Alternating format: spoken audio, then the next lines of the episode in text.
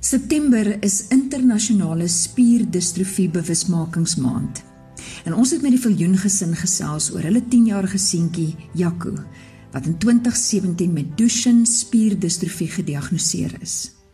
Wêreldwyd word daar ongeveer 3500 seuns elke jaar gediagnoseer. In Suid-Afrika weet ons maar van 10 gesinne wat hierdeur geraak word.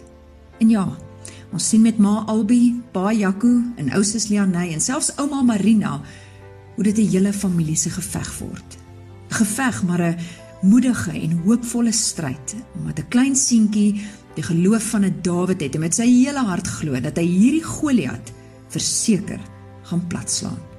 2017 is Jaco gediagnoseer. Hoe het julle as ouers geweet iets is nie lekker nie? Wat wat was die eerste ding wat jy bespeer het wat wat fout is? Ehm um, Jaco is Sonneveld Akademie toe en daarso het sy graad R juffrou Serene vir ons gesê sy is bekommerd oor Jaco se groot motoriese bewegings.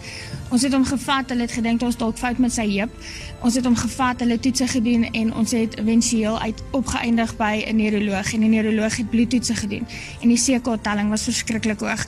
So die CK is wanneer jou spiere skeur en ensieme vrylaat in jou bloed. So Jaco het 'n spiersiekte wat sy liggaam sy spiere skeur en ensiemtelling is te hoog en dit bevestig die siekte. Daar word tussen 3.500 seuns word in 'n jaar gediagnoseer, maar in Suid-Afrika is daar tans oor die 35 seuns. Um die span by Sunninghill Hospitaal wat Jaco wel gediagnoseer het met Duchenne muscular dystrophy, um het 'n paar seuns waarna hulle kyk. So toe hulle die simptome sien, was hy klaar klinies gediagnoseer in November en Januarie 2018 het die bloedwerk dit net bevestig. Jaco, ek wil vir jou sommer 'n paar vra. Um wat wat ervaar klein Jaco in sy lyf? Maar wat sien jy as pa wat wat jy weet jou kind kry kry swaar? Ja, hy sukkel om te beweeg, sukkel om op te staan. Hy wil baie graag atletiek doen. Hy sukkel met atletiek. Maar hy hy gaan aan en hy probeer ten minste. Julle was op 'n stadium Amerika toe vir behandeling. Ehm um, is dit om te help met sy simptome en het hulle al 'n oplossing gevind? Is daar iets wat hulle voel sal kan help? Um, op die oomblik is daar geen oplossing nie. Um, Amerika het stamselbehandeling gedoen daarso en dit help hom baie dit laat sy spiere um, beter voel, beweging en dit help met sy hart en longe. Op die dag tot dag.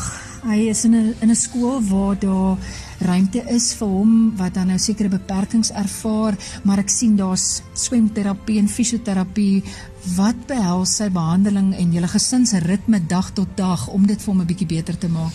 Wel, hy swem 2 keer 'n week en dan het hy fisioterapie 3 keer 'n week. Um die siekte maak dat sy spiere styf word want dit vervang sy spiere met vet. So ons leer die vet om te beweeg dat hy nie die moontlikheid verloor om te loop nie, want op die ouderdom van 10 tot 12 verloor hulle wel die moontlikheid om te loop en gaan hulle in rolstoele in. Maar Jaco se Meriel brand in Brakpan en die skool is baie goed vir hom. Daar's terapeute daar, daar's sielkundige is daar en daar is kinders met verskillende uitdagings, jy weet, en dit help Jaco om te sien daar's verskillende dinge en almal lewe nog steeds. Jy word nie gebind aan 'n rolstoel of aan dat jy nie kan sien nie. Die skool help dat hulle nog steeds alles doen soos normale kinders elke dag. Jaco sê 'n bietjie vir Tannie, as jy nou so sit, het jou lyfie seer of wat voel jy? Mm. -mm. Jy nie seer nie. Mm -mm. En as jy nou by die tannie gaan kuier en sy speel met haar bal, die fisioterapie, wat doen sy om jou te help? Voel jy beter na die tyd? Ja. En wat doen sy daar met jou? Dit lyk soos eintlik speletjies, né? Sy maak dit maak dit eintlik vir jou lekker. Ja. Jaco, kan jy vir my vertel wat is jou ouma se naam? My ouma se naam is Marina. Ek sien op Facebook jy en ouma's baie lief vir mekaar. Ek is baie lief vir my ouma en sy bid baie hard vir my. Wat is een ding wat ouma vir jou elke dag leer? Ek is so sterk soos Dawid. En ouma glo jy gaan 'n pilot word eendag, nê? Nee? Ja. Albei die tema van Dawid en Goliat kom baie sterk deur. Vertel ons die agtergrond. Toe Jaco gediagnoseer was, toe het hulle ons laat verstaan dis 'n fatale siekte en die kans dat hy dit gaan oorleef of ouer as 20 word is baie skraal. En ons was van die dag af van dag 1 af eerlik met Jaco. Ons het hom gesê wat die dokter sê en hoe dit werk en wat in sy liggaam gebeur. En ons was op pad huis toe, ons het huis toe gery van Sunninghill af. Toe sê hy vir my, "Ma mamma, dit klink dan soos Dawid en Goliat se storie." En ek sê toe, "Hoe so, Jaco?" Hy sê die siekte is Goliat en ek is Dawid en dis 'n paadjie wat ons gaan loop, maar ek gaan dit oorwin. En van daar af, voordat hy gaan vir behandeling, dan sê hy mamma onthou ek is Dawid. Ons het na Amerika toe gevlieg, ons was in Indië vir behandeling en as hy daar kom dan vertel hy vir die dokter hy's Dawid. So almal dink eintlik sy naam is Dawid, maar ons leer hulle sy naam is Jakob, maar ja, dis waar dit vandaan kom.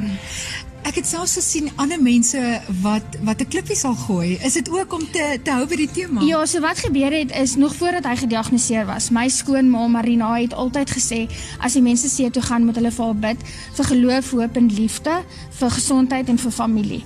En dan vyf klippies in die see gooi en dit doen.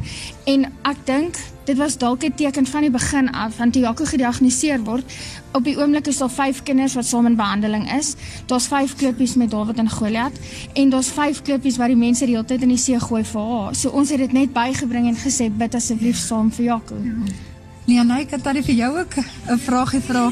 Ehm um, jy's nou die die ou sis, maar dit voel vir my dis nie net sy siekte nie. Dit raak mense se hele gesin. Hoe hoe raak dit jou? Wel, toe hy nog in Sonneveld was, is dit soos altyd kinders is nie altyd omdat hy nie kan hardloop nie en sulke goeters word hy baie uitgesluit en as 'n ouer soos hy voel dit asof jou verantwoordelikheid om seker te maak hy het vriende en dat kinders nie met hom beklei nie en sulke goeters. So ek word baie betrokke by meestal alles. Dink jy dit gaan jou loopbaankeuse eendag beïnvloed? Die feit dat jy nou al oefen om te veg vir daai ouetjie wat wat ander mense nie voor veg nie. Ja, so ek wil sielkunde doen en daar's klaar alle siektes en sulke goeters betrokke. So dit het my loopbaankeuse effek, ja. Ek wil vir julle elkeen vra, ehm, um, wat is die moeilikste deel van hierdie pad wat jy stap? En wat gee jou wat gee jou hoop? Dis mense kind.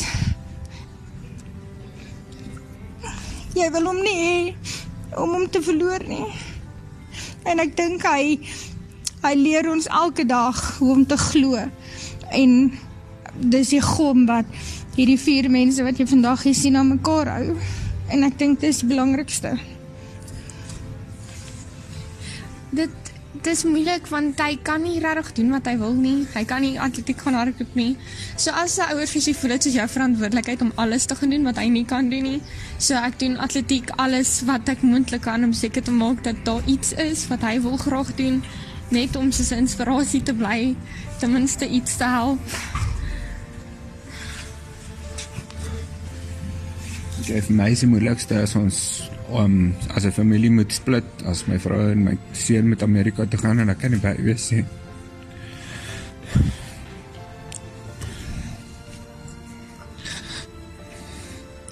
Ek het nie eens besef julle was nie almal saam nie. Maar as hulle terugkom en hy lyk beter, dis wat my beter maak. Wat gee jou hoop? Hy gee vir my hoop. Hy hy glo hy gaan regkom. En en ek glo ook so.